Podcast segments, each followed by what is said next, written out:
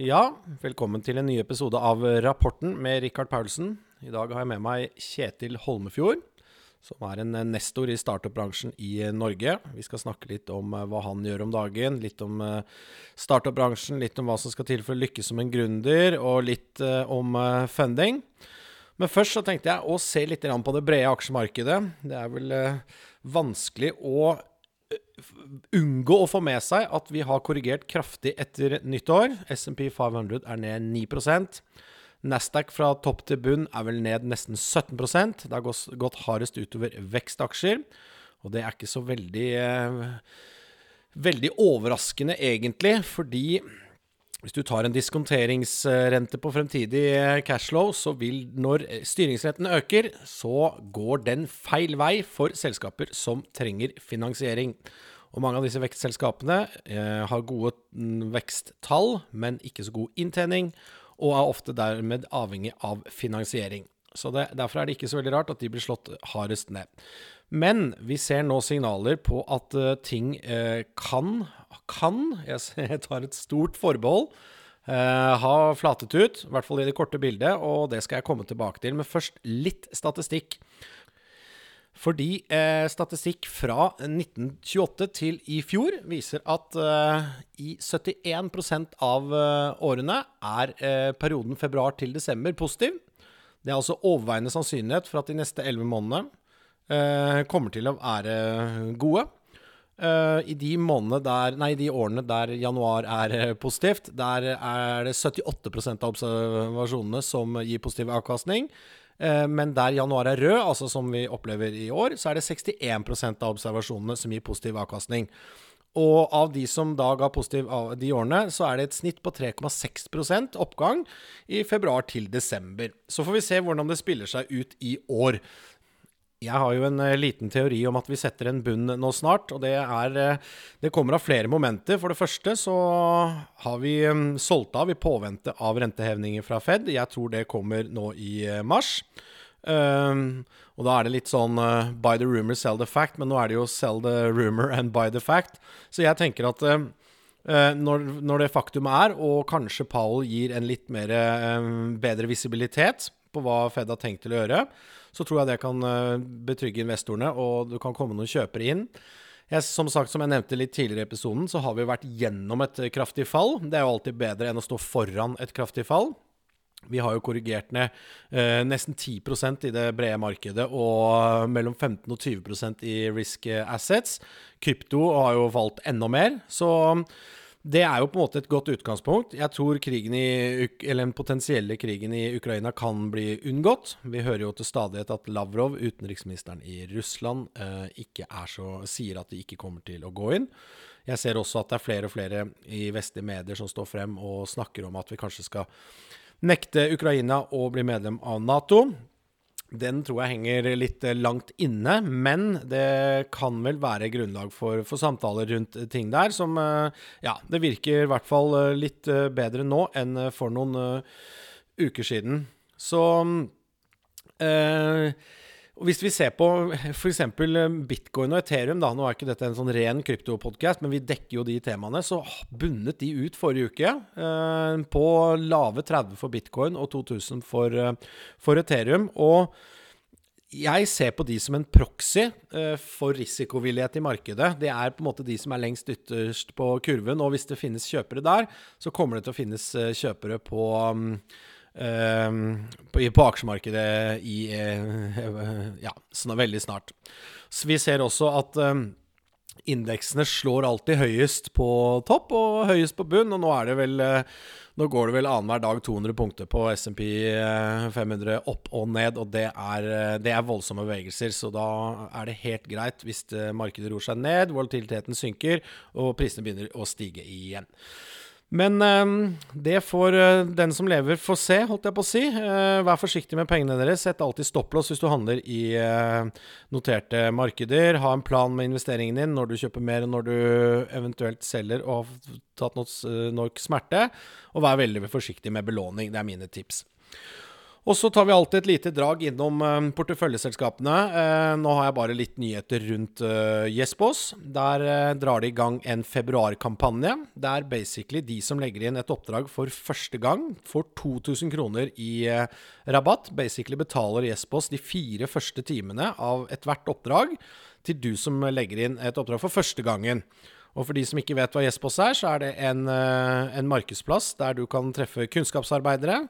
Du kan få utført eh, arbeid umiddelbart i kategorier som tekst, design, juss, økonomi, salg, support, basically. Eh, alt en startup trenger. Og det til en fast pris og en litt uh, mer effektiv måte enn uh, en hva konkurrentene har gjort det på. Så gå inn um, og legg inn et oppdrag, og så skriver du 'ny bruker', N-Y-B-R-U-K-E-R. Ny bruker i ett ord, store bokstaver. Ny bruker i store bokstaver. Inn på rabattkoden, så betaler Jespos de fire første timene. Og det er en verdi av ca. 2000 kroner. Da setter vi over til Kjetil. Ja, da sitter jeg her sammen med Kjetil Holmefjord, eh, som har vært en, eh, ja, en aktiv eh, figur i norsk startup-bransje eh, liksom i mange år her nå. Han skriver et eh, nyhetsbrev som er eh, sikkert det mest leste nyhetsbrevet som, som, er der ute akkurat nå om startup-funding i Norge. Og er veldig bra datagrunnlag for de aller fleste. Kan du fortelle litt, litt om deg selv og litt om, om nyhetsbrevet, Kjetil, så vi kommer litt i gang? Ja, det kan vi gjøre. Eh, så bakgrunnen min utover å være gammel skiboms og eh, siviløkonom fra København, så har jeg jobbet de siste eh, syv årene på Startup Lab frem til og med i, i fjor sommer. Og dette nyhetsbrevet som du snakker om, det er enig i at det nok er det mest leste på, på, på feltet, altså tidligfasefunding i Norge. Og det startet litt sånn, hva skal vi si, ut av behov. Jeg så at det var egentlig ingen som dekket dekket, fulgte med på dette feltet like nøye som, eh, som meg. Eh, og da var det kanskje behov for å få en sånn kuratert og enkel oppsummering av de viktigste hendelsene.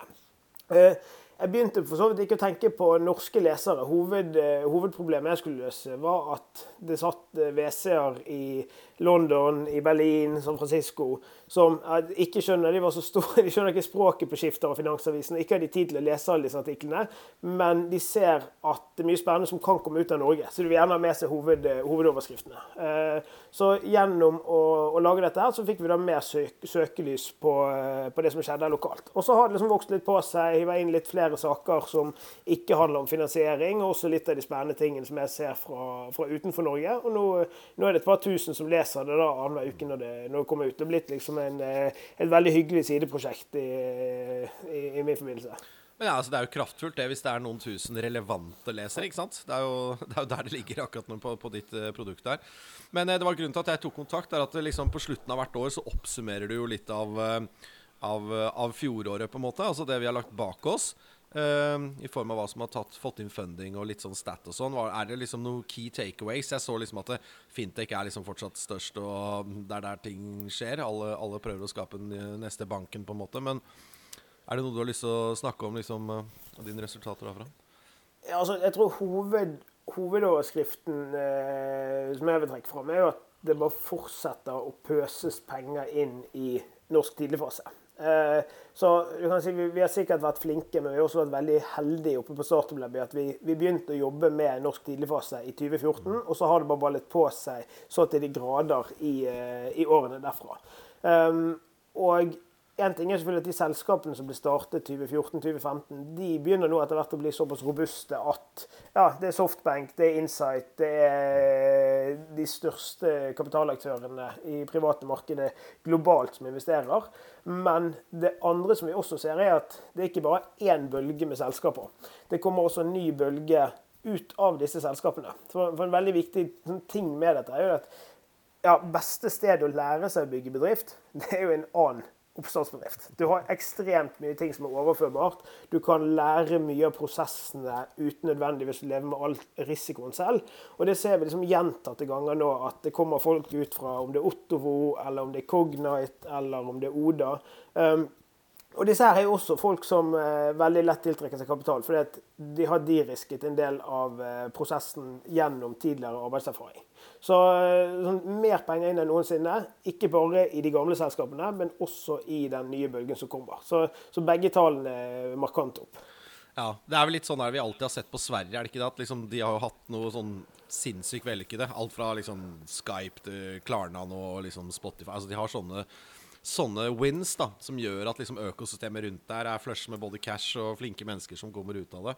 Og det, det, Vi begynner å se den tendensen nå i Norge, syns du det? Eller er det vel liksom litt tidlig? Å... Ja, jeg, 100 og, og, du kan si at Sverige var først. Og så kan du si at eh, hvis du tar de nordiske naboene, så var Finland og Danmark ganske sånn likt et par år etter. Jeg så det, studerte i København og, eh, og så liksom at den bølgen kom litt etter i Danmark versus Sverige. Og så et par år etter det så har vi egentlig sett akkurat samme ja, graf og, og, bratte stigning i, eh, i Norge. Så, så, vi er på akkurat samme, liksom, i hvert fall per capita kurve. Men vi er bare et par år etter. Men uh, la oss gå litt inn i nitty-gritty. Hva tror du skyldes da? Er, er, det fordi at det var liksom vi hang litt etter, og at vi liksom trengte modnes? Var det ideene som ikke var gode nok, eller var det gründerne som ikke var internasjonale nok? Det var hvis vi bare liksom Litt kritikk og litt uh, glede oss over uh, gode fremskritt? Ja, Nei, nei, altså det er to ting som er kanskje interessant å trekke fram. Det ene er Eh, og dette her er for ung for å si at jeg følte det på kroppen. Men eh, når IT-boblen sprakk da 2001-2002,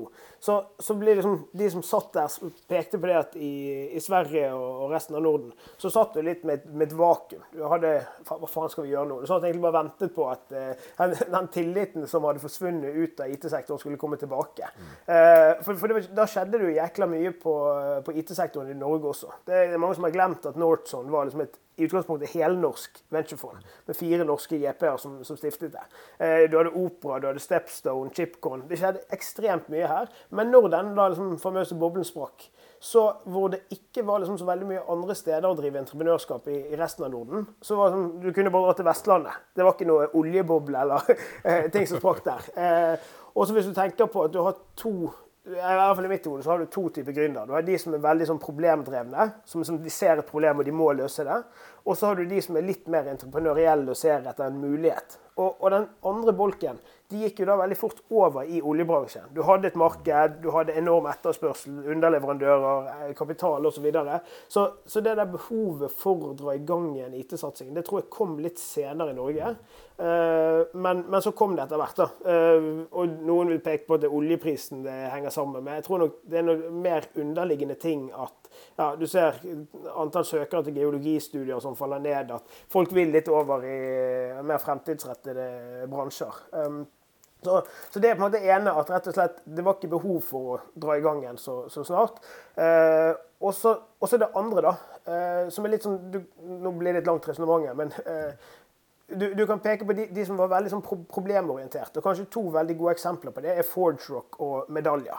Børge Hall, Norsk, som stiftet Medalja, flyttet umiddelbart eh, Eller i hvert fall stiftet selskapet, jeg vet ikke om han flyttet, men han stiftet det borte i, i, California. Og sammen med Lars Andresen og resten av Forge Rock-teamet, som hadde problemer som var innenfor IT-sektoren. De ville løse dem, men det var ingen kapital tilgjengelig lokalt. Så de, de måtte rett og slett bare ut, for det var ikke noe eh, lokal scene der. Eh, og det kan liksom skyve litt over det vi, det vi har sett spesielt senere årene, som er at nå i større og større grad så, så gir, eh, gir investoren litt F i om du sitter i California eller Oslo bygger selskapet. Mm. Nå, nå, ser du i større og større grad at altså, de, de, beste amerikanske fondene etablerer europakontor. Om du sitter på Tøyen eller eh, i Førde, spiller mindre og mindre rolle. Eh, så, så, så den er på en måte ja, det er sånn, Kompetansen er blitt mer tilgjengelig på nett. Mm. Eh, det finnes god arbeidskraft alle steder. og Den, den åpenbaringen har flere og flere av de beste investorene internasjonalt også sett. Som gjør at det er lettere å bygge ting herfra, rett og slett. Men eh, du har jo møtt sikkert eh, hundrevis, om ikke tusenvis, men hundrevis av norske startups som liksom eh, går mm. ut på det. Jeg driver og investerer i én nå, der vi sitter og planlegger liksom en launch i norsk markedet. Der jeg og to andre investorer sier sånn Hvorfor bare gjør vi det ikke på engelsk og går, går der først? Det er altså enorm pivot, men, men sånn why the fuck? Det er eh, veldig lite, lite marked sånn sett, og vi kommer til å måtte klore oss inn der på et eller annet tidspunkt uansett. Det jeg sa nå, hva er det du tenker rundt de tingene? Er det mange som tenker sånn at vi skal prøve oss i Norge først, for det er varmt og godt, eller det er lite, eller der vi kontakter, eller der har vi vår første liksom salg, på en måte? Eller er, er vi litt for feige til å bare gå internasjonalt først, eller? Hvis du liksom snakker generelt, da. Ja, generelt spørsmål. Jeg tror det generelle svaret er litt vanskelig å gi. For jeg har sett veldig mye av, eh, av begge deler. Okay. Og, og, du kan, i hvert fall min erfaring er at du kan bli angrepet og kritisert for begge tilnærminger. Ja. For du har på, på ene siden sånn du, du, går ut, du skal gå globalt med en gang. Eh, så blir du anklaget for ikke å ha bakkekontakt. Eh, og jeg vil være første til å si at sånn, det, noe av det viktigste man gjør i, i tidligfase, er å være utrolig spisset på hvem første kunden din er. Så det å si at dette skal være for, for alle i, i, hele verden, da er det ofte veldig vanskelig å egentlig liksom finne eh, dette såkalte product market fit. For du har faen ikke peiling på hva markedet ditt er. Eh, så, så, folk er et dårlig marked, mens snekkere i Tønsberg er et godt marked å, eh, å starte med. Eh, mens i motsatt ende, akkurat som du sier, begynn i Norge. Eh, så er det, det, landegrenser, det kulturelle barrierer, det språkgrenser som gjør at ja, Du kan liksom peke på sosiale medier sånn interessant at det, det, er ikke et eneste sosialt medie som kommer ut av Europa. Trolig fordi at det er jævlig mye lettere å skalere på tvers og, og få kritisk mm. masse i, i, et mer homogent, liksom, i hvert fall språklig marked som, som USA. At det, det, er en del barrierer der som man må tenke på tidlig å bryte ned. For det, det, liksom, det du blir kritisert for hvis du starter lokalt, eller kanskje ikke kritisert, men det som gjør at du i hvert fall ikke klarer å hente penger fra de beste venturekapitalistene, er at du ikke klarer å bevise validering utenfor det lille provinsielle markedet som, som Norge faktisk er. Så, så, så det er en sånn balanse at man må man må på sett og vis klare to tanker i hodet samtidig.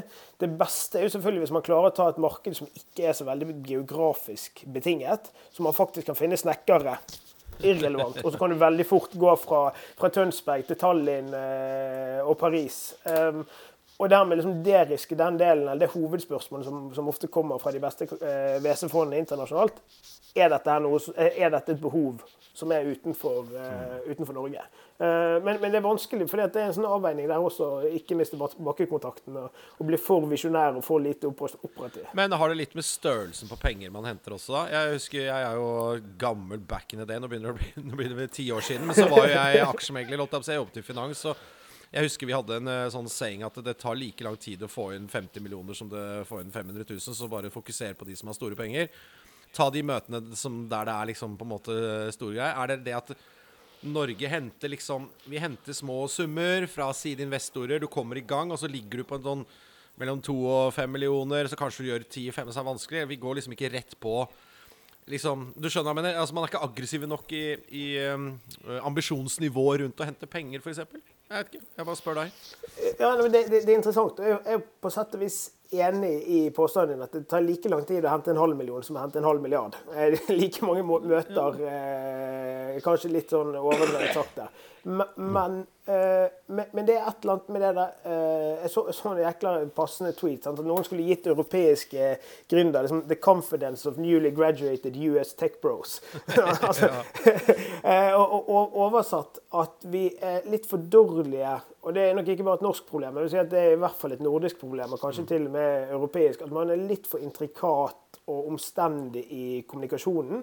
Og har du en historie som er for dårlig, rett og slett, eller for, for, for lite liksom, kompatibel med storkapitalen, så kan du ha uendelig mange møter. Du får ikke tak i den halve milliarden eller de 50 millionene med en gang uh, uansett. Så, så, for mange selskaper så er inntrykket mitt at man, bør, altså, man kan godt prøve å hente kapital å hente storkapital med en gang, men at det er en sånn modningsreise. Rett og slett bare å bli kompatibel og lære å fortelle historien og sette strategien, sånn at man kan bli et globalt selskap. Eh, for, for, for innpakningen har faktisk veldig mye å si, og mer for selskap i, i, fra Norge enn fra, fra, San Francisco.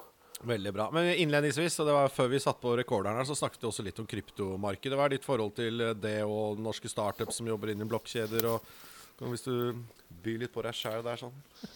ja. eh, nei, så innenfor, eh, innenfor krypto så eh, Altså, jeg har både på startup vært eh, investert i Eller er den som ledet investeringen inn i JS Genesis. Eh, privat har også en investering inn i Dune og et annet selskap som er eh, ikke annonsert ennå. Eh, så jeg syns det er spennende teknologi. Det er jækla mange som kan dette her mye bedre enn meg. Eh, og jeg syns den, den, nyanserte debatten som jeg spesielt syns har gått uh, over høsten med når er dette nyttig, når er det ikke nyttig, og hva skal til for at blokkjedeteknologi er bedre enn bare en vanlig sentralisert struktur, det syns jeg er superspennende. Eh, og så er jeg nok litt på, på den at eh, det å, å, kjøpe seg inn i en eller annen coin og så skrike at denne coinen er fremtiden for pompoprisen, det, det, blir meg litt imot. der, Den debatten styrer jeg unna. Men jeg syns at dette liksom, det desentraliserte konseptet, gitt at det tekniske mulighet og, eh, eller, eller ikke teknisk, men i praksis muligheter for å få hurtigheten som kreves for å bygge gode produkter, superspennende. Eh, og jeg synes kanskje beste eksempel på dette her er liksom når Twitter i sin tid ja, egentlig tilgjengeliggjorde hele API-et sitt for utviklere. Og vi var mange som satt på, på Tweetbot og fikk feeden vår der istedenfor på Twitter, for vi mente at liksom det, det, grensesnittet var, var bedre. Eh, og hvis du hadde klart å, å få til det samme at altså enkeltpersoner eier eh, enkeltenhetene, men det er liksom andre parter som bygger grensesnittene man interagerer med, og det er lettere å flytte frem og tilbake. Den delen av det desentraliserte syns jeg er, er, er, veldig spennende. Og så har jeg null peiling på hvordan dette her kommer til å, å spille seg ut på, på lang sikt, men, men, det er jo et jækla godt tegn at eh, halvparten av alle de smarteste folka er jeg kjenner de, de, beveger seg inn i akkurat dette her eh, domenet. Så da, det dummeste å gjøre er å liksom lukke øynene for det og ignorere det. det. Man skal bare følge nøye med og, og følge etter dem. Enig i det, altså. Men uh, det er litt sånn at hvis man setter det i kontekst med det vi snakket om rett før der, i forhold til internasjonalisering og hente riktige summer penger og sånn, så er det jo liksom Det er jo en gjeng med unge, gode gründere med gode prosjekter som har liksom tjent å komme Altså det er jo blitt et økosystem i seg selv, da, som jeg observerer som henter gode penger til, til, artige prosjekter. Og i hvert fall med risikovillig kapital, da, kall det det. ikke sant? Som jeg syns er litt uh, spennende der. Så får vi se hvordan det utspiller seg. Men i Norden her så gikk vi jo fra liksom ingenting til kanskje fire børsnoterte selskaper som holder på i sektoren, til en del underselskaper. Så, så det, det, skjer jo ting i Norden der òg, altså. Ja, så, så, så, til de grader. Eh, og, og, det er vel litt sånn, det, det, er en godt utviklet finansiell infrastruktur liksom ikke i krypto, men det gjør jo at veldig mange ser hva som er mulig å bygge. Også det å gå inn og få PC2-lisenser og whatnot. Det tar Jeg har ikke prøvd, men det tar jækla lang tid. Eh, så, så, jeg ser jo den at folk som har ideer på hvordan ting kan gjøres bedre, trekkes i retning av krypto fordi at det er mindre regulert. Eh, så, så nei, det, det, det, er superspennende. Og så eh, blir det spennende å se nå hvis dette dippet som har vært de siste ukene, holder seg. hvordan den liksom neste perioden uh, utspiller seg da. Jeg tror, uh, uten å ha noe som helst uh, dekning for å si det, men jeg tror det er egentlig veldig sunt. Jeg tror du får ut litt av denne prisspekuleringen, og så får du mer fokus på å bygge, bygge gode produkter. Du får faktisk arbeidsro også, som, som ikke skal undervurderes. Jeg, jeg, må nok skuffe deg, men jeg tror akkurat det spekulasjonselementet kommer raskere tilbake enn hva du, hva du, antar eller håper. Men sånn er jo del av livet. Det er jo så lett tilgjengelig for folk, og så har liksom, det har skiftet litt. ikke sant? Det er så mange Folk satt hjemme under, hjemme under covid? Og, og, handlet både aksjer og der. Men eh, hvis vi går litt over på tradisjonell finans, da, liksom, du, du, har jo sett masse startups.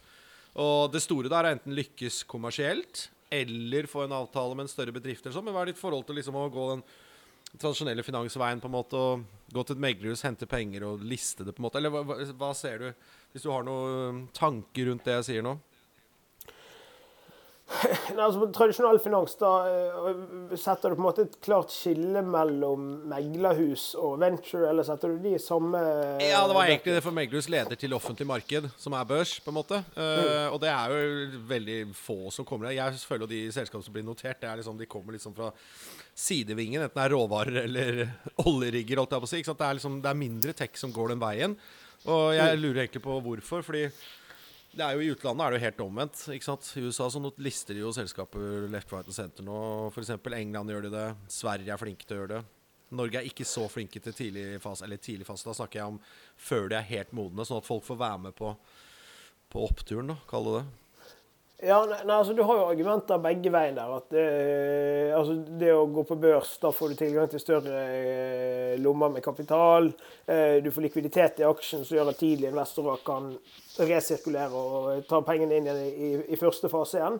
Så, så, alt det positive. Men så ser jeg også det negative med at du plutselig blir veldig sånn kvartalsorientert. Én ting er som, som CEO, men, men, kanskje vel så mye hvis du har jækla mye ansatte som sitter med aksjer, og så det første du gjør når du kommer på jobb, er ikke å se hvordan kundene har det, men å se hvordan aksjeprisen er. At det kan, kan fjerne litt, eh, litt fokus. Så er sånn filosofisk veldig i den der eh, langsiktige eh, enden av eh, spektrumet. Der jeg ser på Bill Gates, jeg ser på Steve Jobs og, og disse som har eid egen butikk veldig lenge og hatt mye mer liksom, den, den visjonen som har drevet de, heller enn en veldig sånn kortsiktig kompensasjon på kvartal, kvartalsvis rapportering. Eh, jeg, jeg, tror det er, det er, viktig. og Den arbeidsroen igjen, og liksom muligheten til å styre litt forventninger selv og, og tidslinjer selv, det, det, har verdi. Nå skal jeg kaste inn en liten brannfakkel, så får vi litt temperatur her. For det er egentlig ikke finans som har gjort det da. vet du. Det er jo WC-ene som har holdt på selskapene lengre. Hvis du tar Amazon, uh, Google og uh, hvem er det siste av de uh, ordentlig svære der? Og Facebook, så har ikke de hentet mer enn 150 millioner dollar noen mm. gang. For de noterte seg tidlig før verdiutviklingen kom. ikke sant? Altså, jeg, jeg, tror noteringsprisen på Google var 220 millioner dollar. Så mm. Der noterte de tidlig, men nå, etter det har vært så, det er så mye penger i WC-verden, så de holder på selskapene jævla mye lengre. Så de noterer jo da liksom ikke sant, selskapene nå på late, late stage, da, sånn at liksom når de er mm. ekstremt modne. Og det betyr jo da at personsparere, småinvestorer, folk som handler på regulert børs for sikkerhetsgrunner, da, ikke får ta del i, i verdireisen. Eller ja, ja det, jo, men det, det, det, er ikke, det er ikke en brannfakkel i det hele tatt. Det, er 100% enig. Og så kommer jo inn ofte gjennom at de er største LP-er i en del av disse, disse venturefondene. Men poenget mitt, og det, kom veldig skjevt ut, var vel at eh, i disse selskapene hvor du har hatt enkeltpersoner som har sittet med veldig store holdings, som ikke helt har brydd seg og hatt noen kompensasjon bundet opp mot kvartal for kvartal, de har ofte klart å liksom, unnskyld engelsken, 'weather the storm' i mye større grad enn de som blir får inn profesjonelt management, eh, som i veldig stor grad styrer kvartal for uh, kvartal. Mm. Men, men er ikke noe, ikke noe på en måte imot at selskaper blir tilgjengelig for, eh, for hvermannsen tidlig. Uh, men, men jeg skjønner på en måte de som avstår fra det fordi at jeg tror at verken Jeff Bezos eller Bill Gates foretrekker kvartalsrapportering fra å ha arbeidsro. For de, de, de, ser, de, ser, til 2030 når de legger planene sine, heller enn eh, til neste kvartal. Ja, og nå skal det selvfølgelig sies at de fikk jo premium på børs, altså kursmessig, så Amazon har jo flydd på en, altså en høy multiple i mange år, og, og, derfor kunne liksom kjøpe selskaper. Men nei, altså Jeg er ikke for at alle skal notere seg. Det er jo en børs full av selskaper som er på en måte uten store inntekter eller liksom Det er jo heller ikke en trygg sted å være. Men jeg tror kanskje vi i verden nå venter litt lenge av og til, eh, og ikke bruker det for det det er, for det er jo et verktøy. ikke sant, Kall det det, da.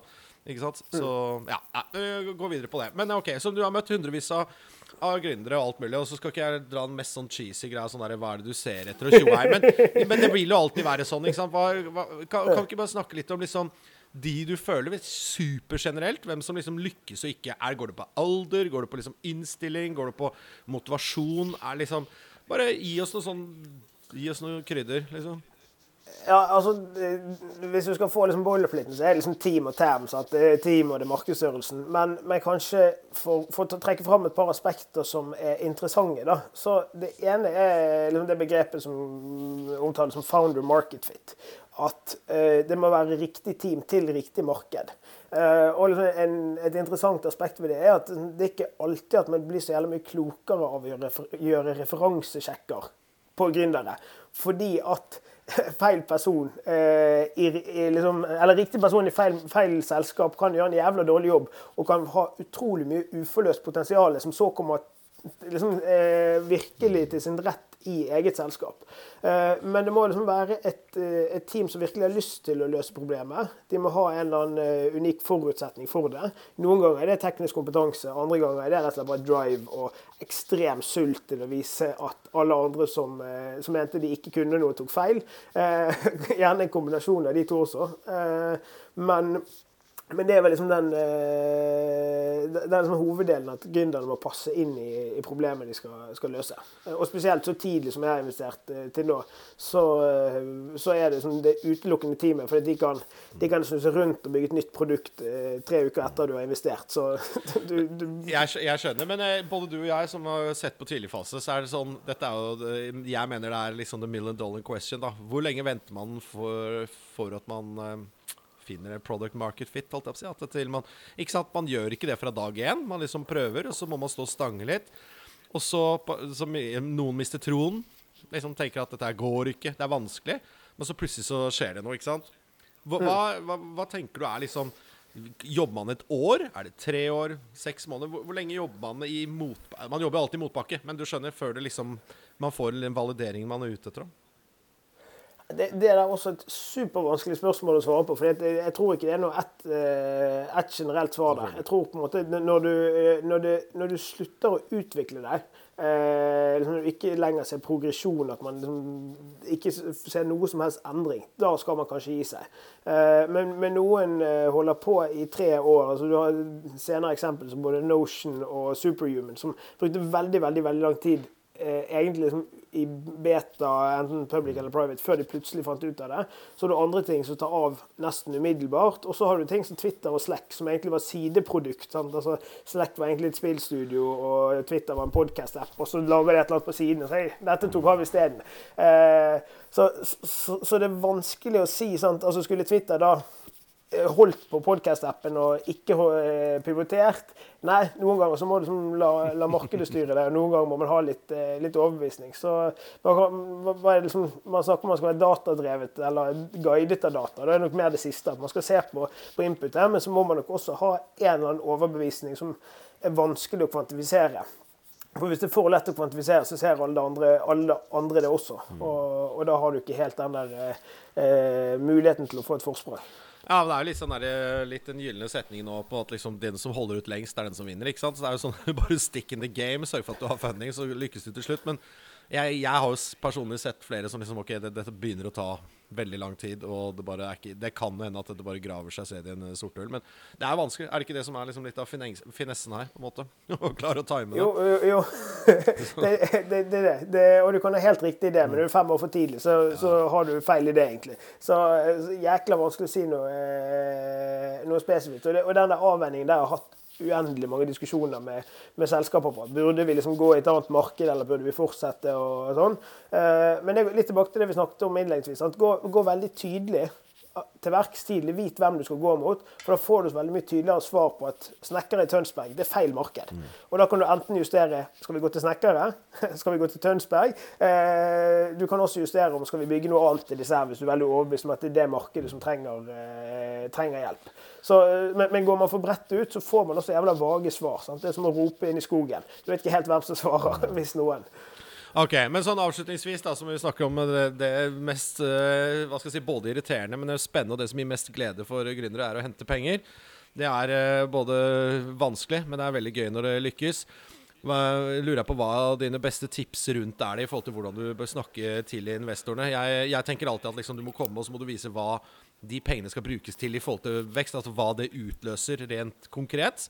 Type sånn sette inn pengene, og så innen neste måned så vil det generere enten skalering eller eller at vi gjør det og det og det, ikke sant? eller ansetter riktige mennesker osv. Men det er bare min sånn personlige mening. Hva, hva er dine, Kjetil? Eh, litt forskjellige råd avhengig av når eh, i selskapets liv man skal hente penger. Men hvis vi tar, tar liksom aller første pengene inn, så, så, er det på en måte snakk om de neste tolv månedene, og snakk om tolv år frem i tid. Eh, sånn, alt midt imellom det er egentlig helt irrelevant. Jeg vil vite hvordan du skal komme deg til neste milepæl. Og så vite, hvis du kommer til den neste milepælen, hva kan det potensielt utløse av stort selskap 10-12 år eh, frem i tid. Så jeg vil vite det. Og så vite eh, ja, konkurransen. Liksom, har du tenkt, apropos det, ditt spørsmål om eh, er, dette et provinsprodukt eller er dette et globalt produkt? Og så selvfølgelig teamet. Og jo mindre du har på, på team, jo mindre beviselig liksom, track record man har, jo desto lengre må man typisk ha kommet med, med tanke på ja, tall, traction, for, for, å klare å hente, hente kapitalen. Og så, sånn, Avslutningsvis ting å si er at eh, ikke apropos dette her med at talk like tech bros. Ikke undervurder verdien av å kjøre en del dry runs med ufarlige aktører. Eh, for du kan gå ut jækla mange, du kan snakke med ti investorer, men alle de ti investorene de tenker én, eh, det er ikke relevant, men to, jeg vil gjerne holde døren åpen i tilfelle dette blir spennende om 6-12 måneder. Så man kan få et nei, og man kan få et liksom kvasisvar som ofte er bundet opp mot noe marked eller conviction og traction og too early. Men det er jævlig få av de som sier du, du, du, holder en helt elendig presentasjon. Du snakker for lenge, eller du går off track. Mens eh, folk som egentlig ikke har den der eh, at de har noe å tape, de vil bare gi vennskapelige råd. Der kan man ofte luke bort en del av de eh, liksom viktige tingene tidlig, eh, som gjør at man da plutselig kan bevege seg fra å se ut som en outsider til å faktisk virke som en insider. Eh, så ikke undervurder det der med å faktisk eh, ja, få litt eh, gode råd før man drar i gang selve prosessen. Hva tenker du om å gå mot corporates og sånn, altså, i sektoren din? Altså, fordi altså, Det er en kjempeutvikling jeg personlig har sett. Det er liksom at alle store børsnoterte selskapet 20 har fått seg venturewing, ikke sant. De skal gjøre ting for startup sånn, og det har vært kjempeelendig på det. Men hva med å gå mm. mot, uh, mot corpus i din sektor, da? Si sånn hei, ta 10 her, så har du et lodd i noe som kanskje utfordrer deg down the line. Ja, du, du, kan si at det, det ville vært obs på i en sånn setting, i hvert fall, er jo det at ikke de strategiske interessene til en corporate kan eh, overskygge de finansielle. For, for 10% i en eh, topersonsbedrift, det er et par millioner typisk man, eh, man får da. Eh, og de, de, de, millionene vil jo på en måte aldri være finansielt viktigere enn de strategiske interessene til, til morselskapet. Så, så, så, så, det generelle rådet, med, med, masse unntak selvfølgelig, det er jo å, å vente litt med å gå i seng med én corporate, nettopp av den grunn at man har risiko for at eh, nevnte corporate da, ja, uh, dytter en i retning av det som i starten så kan det hende at det ser totalt overlappende ut. Det finansielle og det strategiske gir, uh, gir, mening. Men så går det seks måneder fram i tid, og så står man der med han Vi burde gå til høyre, men eierne våre mener at det er strategisk riktig fordi at vi går til venstre. Og det å da ikke havne der at man blir tvunget til venstre, men kan gjøre det som er best for, for eget selskap, det, det, er viktig. Men det, det, er mange måter å løse det på. Det er aksjonæravtaler, det er kanskje å ta inn flere corporates så de nøytraliserer hverandre. Uh, og det, det, kan være liksom få inn profesjonelle finansielle investorer i tillegg for å liksom redusere det. Uh, det, er liksom, alltid noe som kan forbedres. Og hvis man går rundt og venter på den perfekte investeringsmuligheten, så venter man trolig forgjeves. For, det, det, er alltid et eller annet som, som kunne vært litt bedre. Men uh, med min erfaring uh, i Norge de siste årene, at det er mye proffe, flinke, med god integritet på, på corporate-siden også, som, som, både bevisst disse potensielle utfordringene skal komme, de, de klarer liksom å styre seg rundt det, og de har gründere på eiersiden også som er, som er fornøyde, nei, gründer på andre siden som er fornøyde med, med jobben de gjør. Ja, og så plutselig slutter han som hadde ansvar for investeringene også. Så må du begynne helt på nytt. Ja, altså, ikke sant? Men, uh, det, ja. ja. Veldig veldig gøy. Men uh, hvordan er det folk kan abonnere på det nyhetsbrevet ditt, som er, jeg syns er bare veldig bra? Det er liksom bedre enn alt du leser i både det ene og skifter det andre. Her er liksom en kort oppsummering av funding-nyheter. Det er på engelsk, det er liksom short and sweet, men det er bra, liksom. Uh, jeg syns du dekker hele markedet. Hvordan kan man abonnere? Først, tusen takk. Det, når det kommer fra deg, så, eh, så, så, så hører jeg. Det, det, tar jeg som et kompliment. Du kan gå inn på kjetilholmefjord.com newsletter. Eh, der finner man en sign-up-link. Eller så bare google Kjetil Holmefjord newsletter, så, finner man det der. Eller på, på LinkedIn og Twitter eh, hele veien. Kjetilholmefjord.com slash newsletter er nok beste stedet. Veldig bra. Tusen takk for at du tok deg tiden. Bare hyggelig. Tusen takk for at jeg fikk komme.